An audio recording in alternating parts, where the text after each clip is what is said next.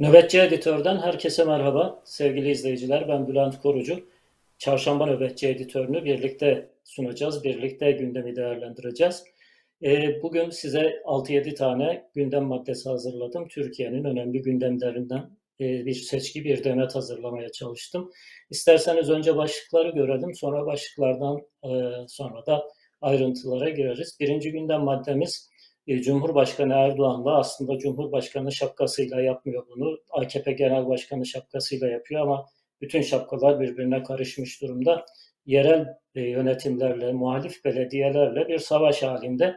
Bu savaşı kim kazanacak? Halkın kaybedeceği muhakkak ama kimin kazanacağına dair bir e, şu bir şey soruyu cevap vermeye çalışacağız. Soruyu cevaplamaya çalışacağız. Ben açık diğer programlarımı kapatayım. Ses size gelmesin. Özür dilerim. Biraz önce bir mesaj geldi galiba. İkinci gündem maddemiz Türkiye karakışa teslim. Göstere göstere geldi. E, meteoroloji uzmanları uyardı. Herkesi uyardı. Hatta bir kısım belediyeler heyecanla bekliyoruz. Böyle kartopu oynayacak çocuk heyecanıyla bekliyorlardı. Ama tam bir iflas, tam bir fiyasko. Binlerce, on binlerce e, insan e, sokaklarda kaldı, yollarda kaldı. Binlerce araç hala mahsur e, bütün neredeyse şehirler arası yollarda ve hatta şehir içi yollarda bu dram, bu e, şey kaos devam ediyor şu anda. Üçüncü gündem maddemiz e, tabiatla direnişin bir başka yolu, bir başka şekli daha doğrusu. E, Zonguldak Kilimli sahil yolu e, yine yıkıldı ve yeniden yapmaya çalışıyorlar. 22 Ocak'ta Cumhurbaşkanı'na yetiştirmeye çalışıyorlar. E, tabiatla, kainatla, doğayla, İnatlaşmanın faturası çok ağır. E, bunu hem can kayıpları olarak gördük. Daha önceki sel felaketlerinde, e, yangın felaketlerinde, doğal felaketlerde hep bunu gördük. Ama bir türlü akıllanmadık. Şimdi de o sahil yolunda AKP'nin inadı devam ediyor. Bakalım ne olacak.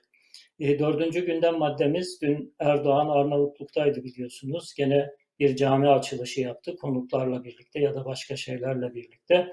E, dünyada e, birçok ülkede Diyanet cami yapıyor.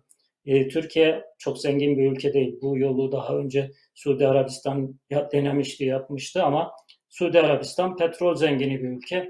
Onlar yapabilirler. e, bizim için biraz lüks gibi bu. Diyanet'in bu cami e, zenginliğine biraz bakacağız. Aslında bir anlamda cami rüşveti o ülkelere cami yaptırarak bir kısım şeyler elde etmeye çalışıyor. Cumhurbaşkanı Erdoğan, AKP lideri. Üçüncü gündem maddemiz e, İmralı tartışması. Meral Akşener, Cumhurbaşkanı Erdoğan'a bugün İmralı'ya hesap verecek. Yani Edirne'deki İmralı'dakine hesap verecek cümlesine cevap verdi. Onun üzerine biraz konuşacağız. Bir ilan var. O ilana biraz yakından bakacağız. E, tekil bir olay gibi görünüyor, basit bir olay gibi görünüyor ama Türkiye ekonomisinin fotoğrafını o olay üzerinden bile çekmek mümkün. O ilanı sizinle paylaşacağım. E, yedinci gündem maddemiz acı bir gündem. Hrant Dink'in öldürülmesinin, katledilmesinin, göstere göstere öldürülmesinin yıl dönümü. E, çok güzel, e, çok dramatik ve olayı e, bütün boyutlarıyla gösteren bir video var. O videoyla bültenimize son vereceğiz. E, hemen birinci gündem maddesinden başlayalım. E, birkaç gündür Büyükşehir Belediye Başkanları, muhalif Büyükşehir Belediye Başkanları e, Cumhurbaşkanı Erdoğan'ı hedef alan bir kısım açıklamalar yapıyorlar. Aslında hedef almıyorlar. Cumhurbaşkanı Erdoğan'ı halka şikayet ediyorlar. Hatırlarsanız 2019 seçimlerinde, yerel seçimlerde e, bilhassa büyük şehirleri AKP'den alarak halk e, muhalif belediyelere verdi. Çoğunluğu CHP'li belediyeler e, kazandı. Ankara, İstanbul, Adana gibi, Antalya gibi büyük şehirleri AKP'den alarak e, muhalif belediyelere, muhalif partilere verdi. E, AKP bugün, bugünlerde e, o muhalif belediyeleri çalışamaz hale getirebilmek için onların her türlü finansmanını hallettiği hizmetleri engellemeye çalışıyor. Erdoğan'ın Cumhurbaşkanı olarak onaylaması gereken, bütçeye koyması gereken bir kısım kalemler var ve bu kalemleri ısrarla onaylamıyor, ısrarla bunlarla ilgili ödeneklerin açılmasına izin vermiyor. Adana Büyükşehir Belediye Başkanı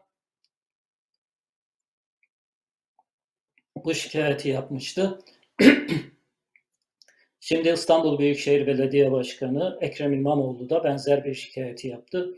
İstanbul Büyükşehir Belediye Başkanı bütün billboardlara, bütün e, alt ve üst geçitlere bu şikayeti yazacağını söyledi.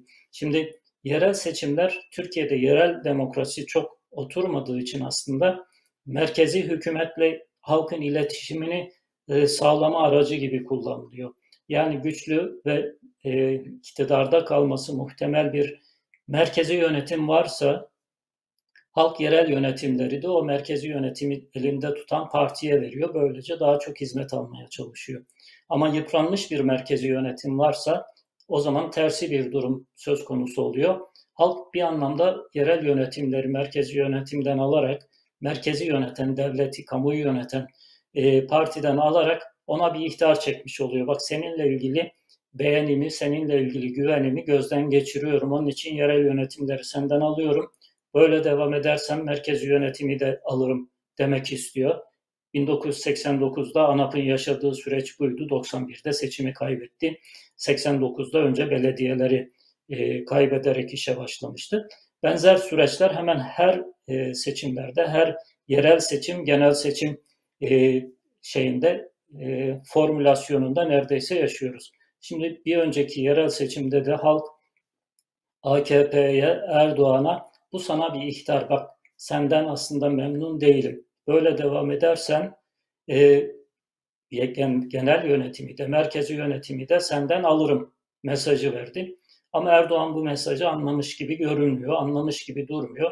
Tam tersine daha fazla halkla arasındaki e, ilişkiyi bir savaşa dönüştürecek adımlar atıyor. Şimdi şayet akıllı olursa muhalif belediyeler halka yeterince seslerini duyurabilirlerse ki büyük şehirler yani bu biraz önce saydığım Adana, Ankara, İstanbul, Antalya gibi büyük şehirler aynı zamanda oy deposu şehirler. Şayet buralarda seslerini duyurabilirlerse ve Erdoğan sizi cezalandırıyor. Erdoğan sizin tercihinizi cezalandırıyor. Sizin başka bir partiye oy vermenizi cezalandırıyor ve size hizmet etmemizin önünü alıyor, size hizmet etmemizi engelliyor mesajını halka ulaştırabilirlerse Erdoğan bu savaşı kaybeder diye düşünüyorum. E, bu konuda e, söyleyeceklerim birkaç cümle daha var ama önce bugün Cumhurbaşkanı Erdoğan'ın e, aslında siyasetten ve sosyal gerçeklikten koptuğunu gösteren bir video var. Onu izleyelim. Cumhurbaşkanı Erdoğan bugün muhtarları topladı ve muhtarlara e, bir kısım şeyler söyledi ama bence en önemli cümle buydu. Onu kısaca izleyelim sonra devam edeceğiz. Önceleri birkaç istisna dışında külliyemizin ana binasındaki 400 kişilik toplantı salonunda başladığımız buluşmalarımızı sergi salonumuzun tamamlanmasıyla buraya aldık. İlk 50 toplantımızda 35 bine yakın muhtarımızla bir araya gelme yüz yüze ru ru görüşme imkanı bulduk. Bugün de yaklaşık 1500 muhtarımızla birlikteyiz.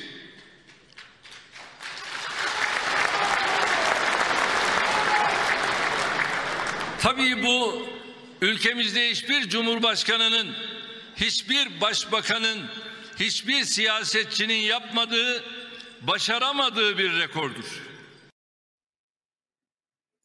Şimdi Cumhurbaşkanı ben hani anlaşıldı zannediyorum ama yine de hayretini ifade edecek şekilde özetlemek istiyorum.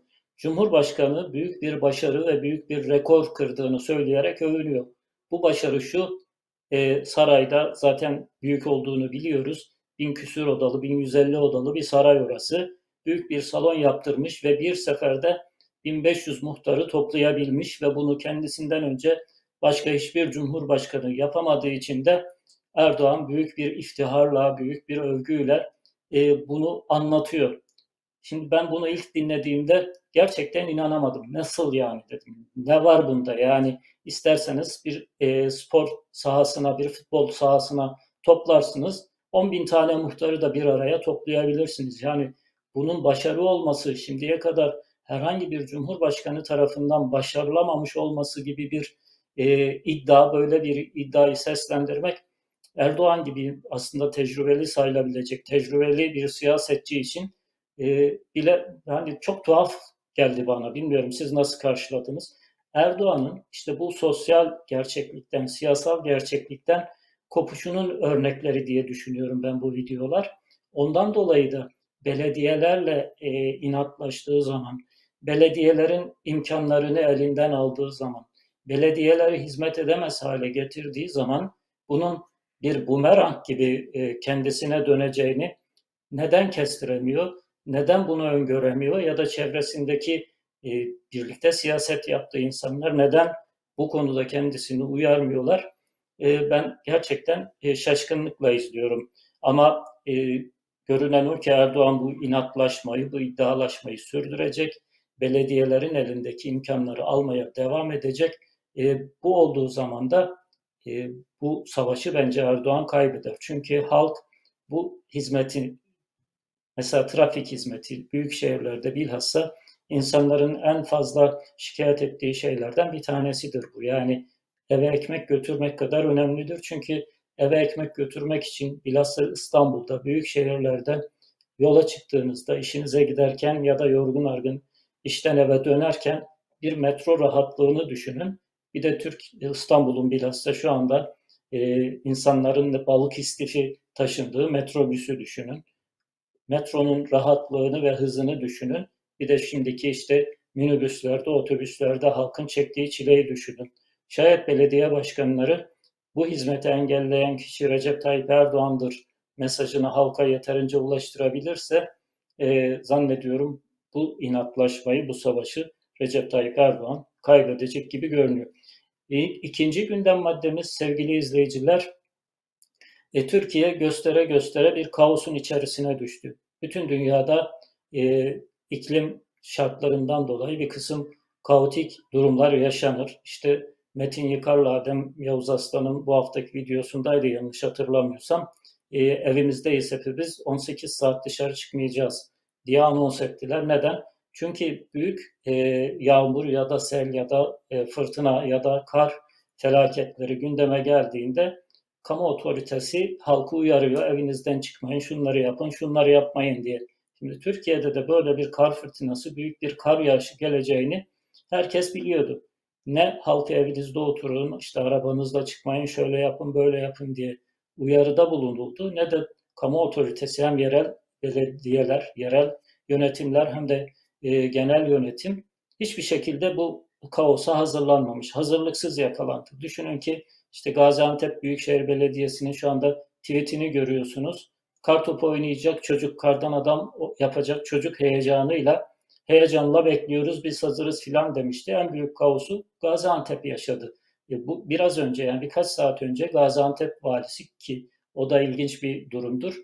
E ne zaman kaos olsa yerel yöneticiler, siyasetçiler ortadan kayboluyorlar. Devlet memuru olan yöneticileri konuşmak için ön plana sürüyorlar. E, her şeyimizle hazırız, biz bu mücadeleyi kazanacağız tweetini belediye atıyor. Ama 900 tane araç e, hala mahsur, hala Nur Dağı'nda ulaşılamayan 900 tane araç var açıklamasını valilik yapıyor. Bu da ayrı bir kurnazlık, ayrı bir şey. Ee, Ankara-İstanbul otoyolu e, çok e, yoğun kar altında ve orada mahsur kalan insanlar var. E, Nur Dağı'nda, Gaziantep'te, Hatay'da insanlar e, e, gidecekleri ya da ulaşmakta zorlanıyorlar. Yüzlerce, binlerce insan aralarında çocukların olduğu, aralarında yaşlı ve hastaların olduğu yüzlerce, binlerce insan dün bu kaosun içerisinde kaldı ve hem yerel yönetimler hem de genel yönetimler e, yeniden sınıfta kaldı. Bu kaosu yönetememek, bu kaosla ilgili yeterince tedbir almamakla eleştiriliyorlar. AKP biraz önce söyledim neredeyse bütün büyükşehir belediyeleri kaybetti. Ee, en gözde belediyelerinden bir tanesi, en fazla yatırım alan belediyelerinden bir tanesi Gaziantep.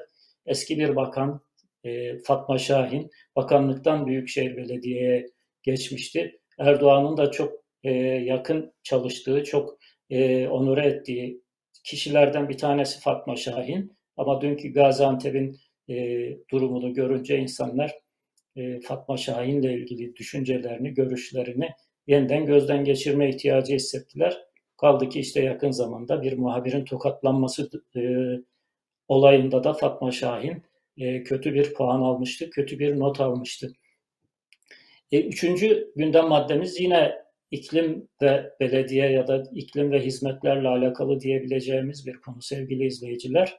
Sahil yolları, bilhassa Karadeniz sahil yolları Mesut Yılmaz döneminde yapılmaya başlanmıştı. AKP'de bu geleneği sürdürdü. Sahil yolu şu demek aslında, tabiata karşı, doğaya karşı direniş demek. Tabiatın, doğanın sınırlarını aşmak, onun doğal sınırlarını e, ihlal etmek demek. Doğa da bunun e, dersini, bunun e, tepkisini çok e, geçmeden veriyor ve kendi sınırlarını çizmeye çalışıyor. Sahil yolları e, birçok sefer yıkılan, yeniden yapılan, yıkılan, yeniden yapılan yollar. Çünkü oralar e, denizin doğal sınırları değil. Sahilleri dolguyla kapatıyorlar. Dolgu, e, molozla vesaire işte çeşitli yerlerden taşıdıkları taşla, toprakla, kumda oraları kapatıyorlar. Denizi biraz daha ileri itiyorlar ve orada e, yol geçirmeye çalışıyorlar. Neden böyle bir şeye ihtiyaç duyuyorlar anlaşılmış değil.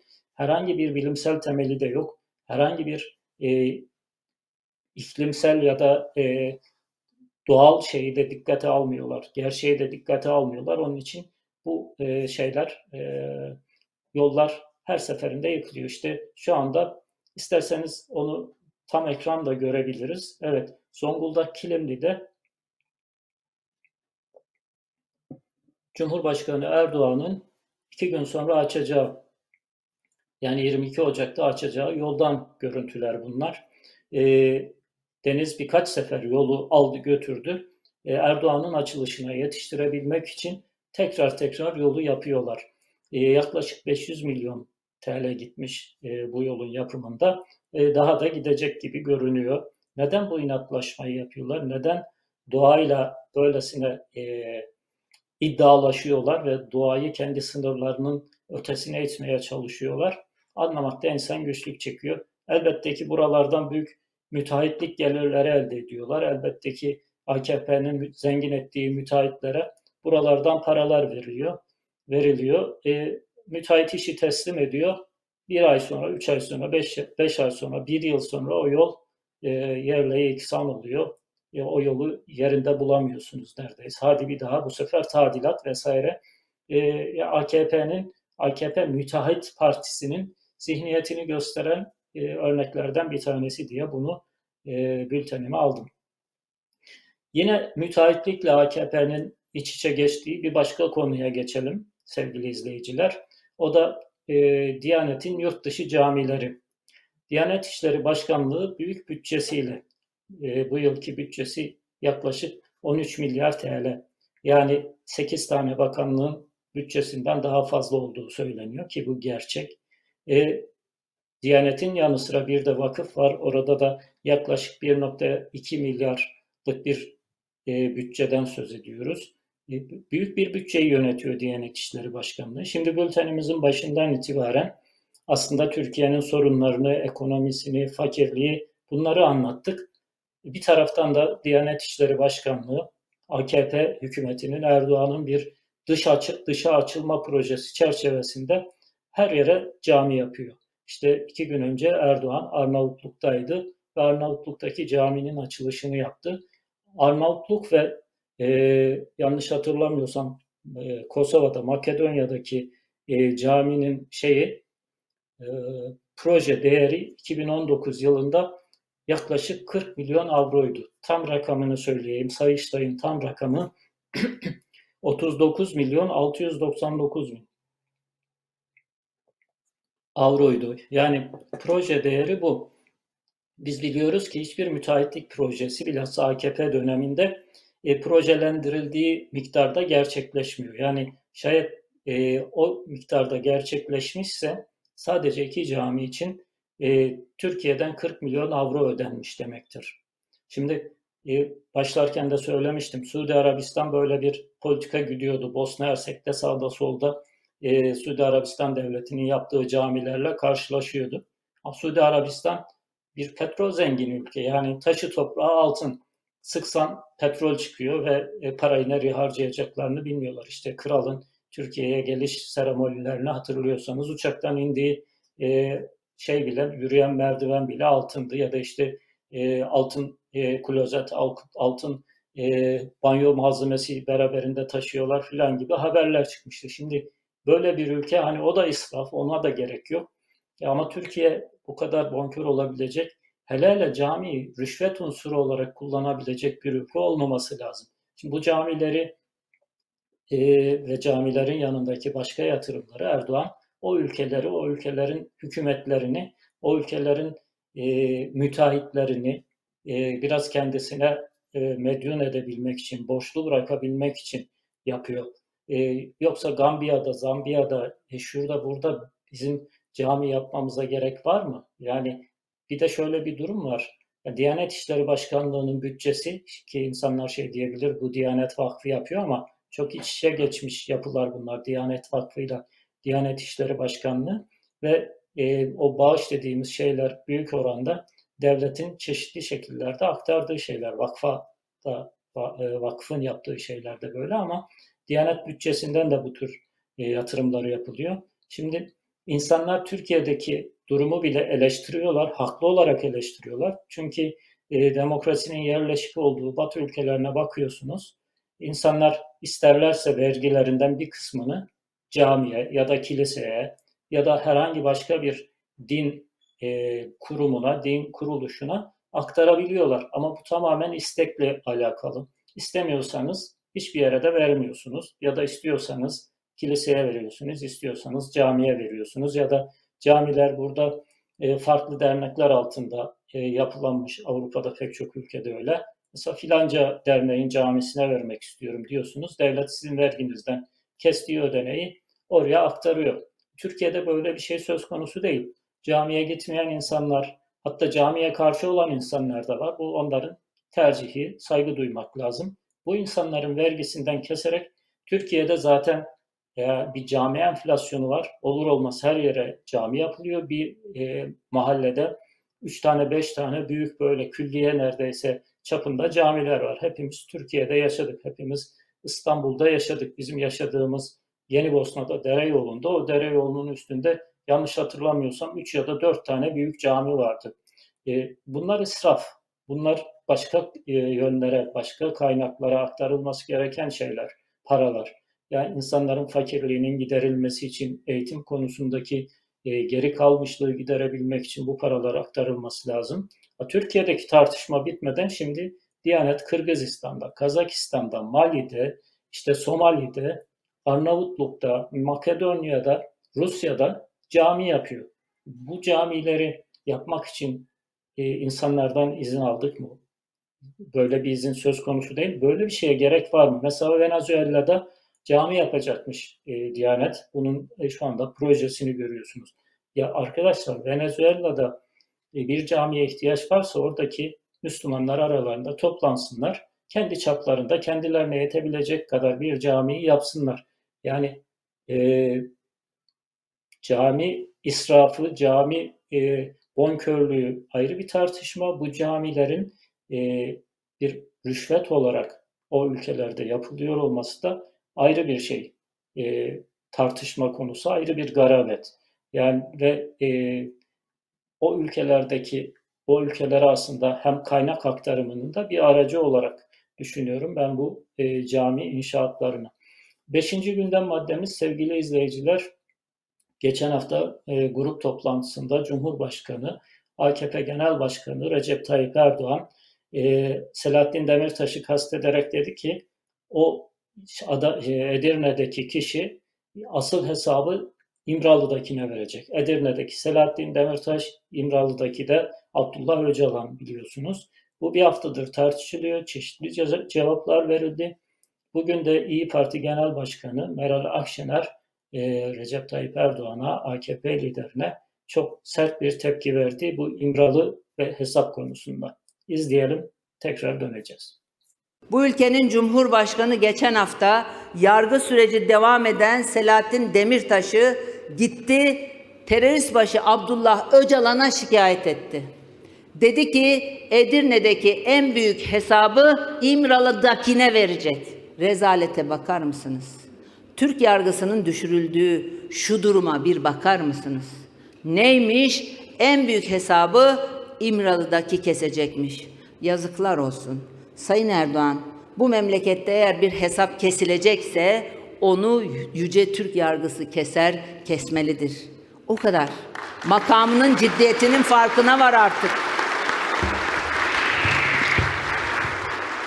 Seçilmiş Cumhurbaşkanıyım diye caka satarak geziyorsun ama AKP Genel Başkanlığı fikrinden, anlayışından kurtulamadın gittin kardeşim.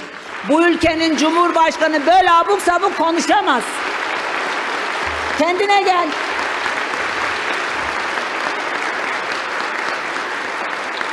Belli ki 2019 seçimlerinden ders almamışsın.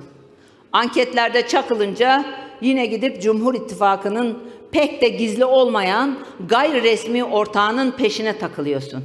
Geçen sefer mektupla işi kurtarmaya çalışmıştın. Bu sefer görüyorum ki başka oyunlar peşindesin. Seni şimdiden uyarıyorum. Eğer arzu ettiğin hesabı kesmesi için İmra'dakini tırnak içinde çıkarmanın peşindeysen orada duracaksın.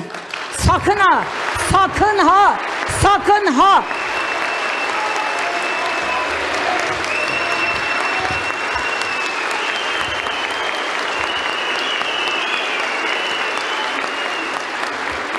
Seçim kazanmak için böyle bir kötülüğü bu memlekete yapmaya kalkma. Belki küçük ortağını ikna edebilirsin. Ama böyle bir ahmakla, böyle bir hainliğe yeltenirsen karşında bizi bulursun, bizi bulursun. Ve o sandık geldiğinde kim kimden nasıl hesap kesiyormuş ilk elden görürsün. Bu memleketi senin seçim kazanma hırslarına yedirmeyiz. Şehitlerimizin aziz hatırasını senin siyasi hesaplarına ezdirmeyiz. Bunu böyle bilesin. Evet, Meral Akşener'in tepkisi çok sertti. Selahattin Demirtaş gene kendisine e, uygun diyelim, kendisinin her zaman tercih ettiği türden kısa bir cevapla geçiştirdi. Erdoğan'a sen benim hesabı boş ver, kendi vereceğin hesaba odaklan gibi bir cevap vermişti. Meral Akşener'in dikkat çektiği önemli bir cümle var. Abdullah Öcalan e, sanki bu Cumhur İttifakı'nın bir ortağıymış gibi ihtiyaç duydukları anda mektupla ya da başka mesajlarla imdatlarına yetişiyor ya da imdatlarına yetişmelerini istiyorlar.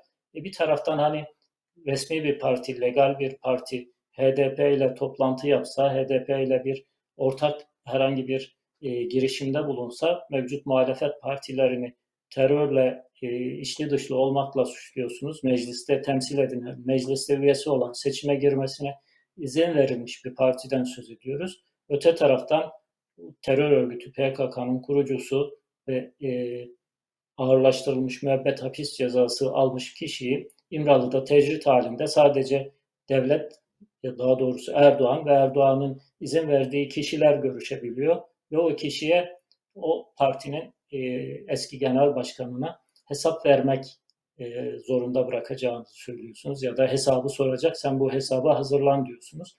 İki hafta içerisinde geçen e, seçimlerde, yerel seçimlerde tekrarlanan İstanbul seçimlerinde İmralı'dan mektup getirip tarafsız kalın, e, Millet İttifakı'na destek vermeyin mesajını, Abdullah Öcalan'ın bu mesajını okuyan akademisyen Ali Kemal Özcan e, bir, e, bir, yayın, bir canlı yayında, bir yayında şöyle bir cümle de kullandı. O da korkunçtu aslında. E, Selahattin Demirtaş hapisten çıktığında hayatta kalabilirse bunu ancak Abdullah Öcalan sağlayabilir. Bu açıkça Selahattin Demirtaş'ı e, tehdit etmektir. Selahattin Demirtaş'ı hayatıyla tehdit etmektir ve cezaevinden çıktığı zaman Abdullah Öcalan onu affetmezse e, birileri onu öldürecek demektir. Ki Erdoğan'ın kastettiği hesap herhalde bu olsa gerek. Yani düşünün ki e, bir terör örgütünün lideri bir siyasi partinin liderini e, öldürttürebilecek böyle bu şekilde hesap soracak. Bunu da Cumhurbaşkanı bir müjde gibi kendi partisinin bir toplantısında paylaşıyor. Sen hesabı ona vereceksin, görürsün günlüğü gibi bir e, üslupla veriyor. Bir de sevgili izleyiciler e, bir sonraki gündem maddemiz bir ilan. e, iş arama sitelerinde yayınlanan, sosyal medyada bugün paylaşılan bir ilan. Arkadaşlarımız onları mümkün, onu mümkün mertebe yaklaştırarak paylaşırlarsa o ilanda ilginç bir cümle var. İş, eleman arayan kişi, işçi arayan kişi ya da şirket diyor ki öyle yüksek maaşlar peşindeyseniz bu ilana başvurmayın.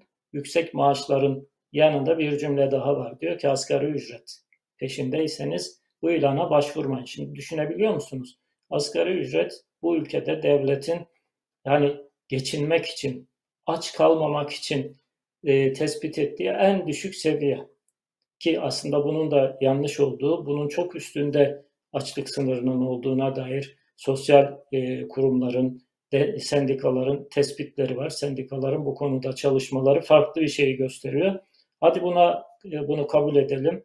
E, asgari ücretin asgari insani geçim endeksi olduğunu varsayalım. Şirket diyor ki e, şayet böyle yüksek maaşlar asgari ücreti yüksek maaş olarak görüyor. Talep edecekseniz bu ilana hiç başvurmayın. Şimdi bu aslında iki şeyi de gösteriyor. Bence biraz hani e, olayın iki tarafına, madalyonun iki yüzüne de bakmak lazım. İş dünyasının, işverenin de aslında ne kadar zor durumda olduğunu gösteriyor. Yani bir asgari ücret bile veremeyecek, elbette bunu istismar eden ve insanları yok pahasına, açlık fiyatına, karın tokluğuna çalıştıranlar elbette ki var ama e, önemli sayıda işveren de, iş dünyası temsilcisi de asgari ücreti bile veremeyecek e, bir ekonomik zorluğu yaşıyor. Yani artan maliyetler, kira giderleri, enerji giderleri vesaire bunların hepsini üst üste koyduğunuzda gerçekten madalyonun iki tarafı da ürkütücü. Yani hem çalışan tarafı insanlar insanca yaşayabileceği bir maaşı almakta zorlanıyorlar. İşveren de bu maaşı çalıştırdığı insanlara vermekte zorlanıyor. Her, her iki tarafı da madalyonun dediğim gibi ne yazık ki çok karanlık. Sevgili izleyiciler, son gündem maddemiz e, acı, ürpertici ve aslında utanç verici bir gündem maddesi. Hrant Dink'in öldürülüşünün yıl dönümü 19 Ocak. 15 yıl geçti. E, katilleri, gerçek anlamda katilleri aydınlatılabildiği, gerçek anlamda adalete ulaşılabildiğini söyleyen neredeyse bir Allah'ın kulu yok. Bilhassa arkadaşları, ailesi, Hrant Dink'i yakından tanıyanlar, onunla yakından e, dayanışan insanlar bir e, adalet arayışı içerisindeler ve 15 yıla rağmen hala bu adaletin gerçekleşmeyişinden haklı şikayetlerini, haklı, haklı serzenişlerini bugün işittik. Hrant Dink'in e, öldürülmeden önce, katledilmeden önce yayınlanmış bir videosu var. Bu videoyu sizinle paylaşmak istiyorum. Bu video aslında Hrant Dink'in neden öldürüldüğünü gösteriyor. Hrant Dink gibilerin neden öldürülmeye çalışıldığını gösteriyor. Hrant Dink'in ne yapmaya çalıştığını gösteriyor. Hrant Dink konusunda e, söyleyeceğim birkaç cümle daha var ama önce o e, videoyu izleyelim. Bir bey beni telefonla aradı. Dedi ki oğul dedi seni aradık seni bulduk. Burada bir tane yaşlı bir kadın var. Herhal sizdendir dedi. Allah'ın rahmetine kavuştu. Bunun yakınını falan bulursanız gönderin gelip alsınlar. Ya da biz burada namazımızı kılıp gömeceğiz. Peki dedim amca ararım. Ver de adını soyadı Beatrice Hanım diye biri. 70 yaşında Fransa'dan oraya gezmeye gitmiş. Aradım. 10 dakika içinde buldum. Biz birbirimizi biliriz çok azız çünkü. 10 dakika içinde buldum. Gittim dükkanlarına e, dedim böyle birini tanır mısınız? Adını verdim yaşlı. Bir kadın döndü benim anamdır dedi. Bir de. Dedim vallahi böyle böyle senin anan nerede? Yani Fransa'da yaşar. E, hiç mi senin? Abi dedi, o dedi senede 3-4 kere dedi Türkiye'ye gelir. Ama İstanbul'a ya uğrar ya uğramaz. Kalkar köyüne gider. Terk ettiğimiz köyüne gider. Dedim böyle böyle kalk gitti. Ertesi gün bana bir telefon açtı. Bulmuş, tespit etmiş anası. Ağladı birden. Peki getiriyor musun naaşını? Burada mı göreceksin? Abi dedi ben getireceğim ama dedi burada bir amca var dedi ağlamaya. Amcaya ver dedim. Aldı dedi amca niye ağlatıyorsun? Oğlum dedi bir şey demedim dedi ben. Dedim ki kızım anandır, malındır. Ama bana sorarsan bırak kalsın burada gömülsün. su çatlağını buldu dedi. Ben döküldüm. Orada döküldüm. Anadolu insanının ürettiği bu değişten döküldü. Bu algılamadan döküldü. Evet su çatlağını bulmuştu. Doğrudur hanımefendi. Ermenilerin hakikaten bu dünyada gözü, bu ülkede gözü var. Bu topraklarda gözü var. O zaman yazdığımı şimdi size de tekrarlayayım. Tam o sıralarda Sayın Cumhurbaşkanı Demirel, Ermenilere üç çakıl taş bile vermeyiz diye bir laf etmişti. Ben de bu kadının öyküsünü yazmıştım ve demiştim ki, evet biz Ermenilerin bu topraklarda gözümüz var. Var çünkü kökümüz burada. Ama merak etmeyin. Bu toprakları alıp gitmek için değil. Bu toprakların gelip dibine girmek için. Teşekkür ederim. Evet, Hrant Dink e, barış için yaşayan bir insandı. Zaten e, hayatından, daha doğrusu vefatından, öldürülmesinden, katlinden önce yazdığı bir şeyde de kendini ürkek bir güvercine benzetmişti. Barışın sembolü bir güvercin. Bugün de hala öyle biliniyor. E, vefatı da aslında e, toplumda bir barış rüzgarı esmesine yol açmıştı ama ne yazık ki gerçekleşmeyen adalet barışı da gerçekleştirmiyor. Barışın gerçekleşmesini de önlüyor. Hrant Dink e, ki anlamak için bu video bence yeterli. Ben bu yazısını, konuşmasını o dönemlerde görmemiştim. Yazısını Amerika'da yaşlı Ermeni bir teyzeyle paylaşmıştım. Onu anlatmıştım. Hrant Dink böyle bir yazı yazdı, görebildiniz mi demiştim. E, kadıncağızın yaşadığı duygusallığı bugün dahi unutamıyorum. Aynen Hrant Dink'in yaşadığına benzer bir duygusallıkla, bir heyecanla, bir duygu, duygu coşkunluğuyla e, dinlemişti o yazıyı benden. E, Hrant konusunda dediğim gibi adaletin gerçekleşmemesi en önemli ayıbımız. Toplum olarak ayıbımız, devlet olarak ayıp. E, mesela şu soru, ben bugün Hrant biraz araştırırken sadece çok önemli bir soruyu sizinle paylaşacağım. E, mahkeme sırasında müdahil avukatlar, ailenin avukatları bir soru sormuşlar ve o sorunun cevabını bir türlü alamamışlar. E, şifre kırılamadı, bilgisayara ulaşılamadı filan diye hep mazeretlerle geçiştirilmiş. O soru şuymuş. E, o sorunun cevabını bilen varsa yorumlara yazarlarsa biz de ben de çok mutlu olurum ve o cevabı kullanırım bundan sonra. Veli Küçük o Ergenekon davalarında örgüt liderlerinden birisi olarak, önde gelenlerden birisi olarak yar yargılanan e, general, o dokunulmaz general Yasin Hayali McDonald's bombalamasından sonra cezaevinde yatarken gidip cezaevinde ziyaret ettiğini, müdahil avukatların, aile avukatlarının iddiası bu e, ziyaret ettiği yönünde. Ama mahkeme bu, bu bilgiyi bir türlü ne teyit edebilmiş ne yalanlatabilmiş. Hep gelen cevaplar mazeret türünden cevaplar. Bilgisayara ulaşılamıyor, bilgisayarın şifresine ulaşılamıyor.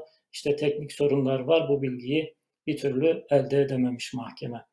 Ee, sadece bu soru bile, bu gerçek bile Hrant Dink'in e, katledilişinin nasıl örtbas edildiğini, nasıl el birliğiyle örtbas edildiğini ve kimler tarafından örtbas edildiğini göstermeye yetiyor aslında. İnşallah Hrant Dink gibiler, Hrant Dinkler bir daha o topraklara yüzüstü düşmek zorunda kalmazlar. İnşallah bu acıyı, bu acıları bir daha yaşamayız. Sevgili izleyiciler, nöbetçi editör çarşambadan bugünlük de bu kadar. Bizi izlediğiniz için teşekkür ederiz. Lütfen kanalımıza abone olun ve bildirimleri açın ta ki size daha kolay bir biçimde ulaşabilelim. Tekrar görüşmek üzere.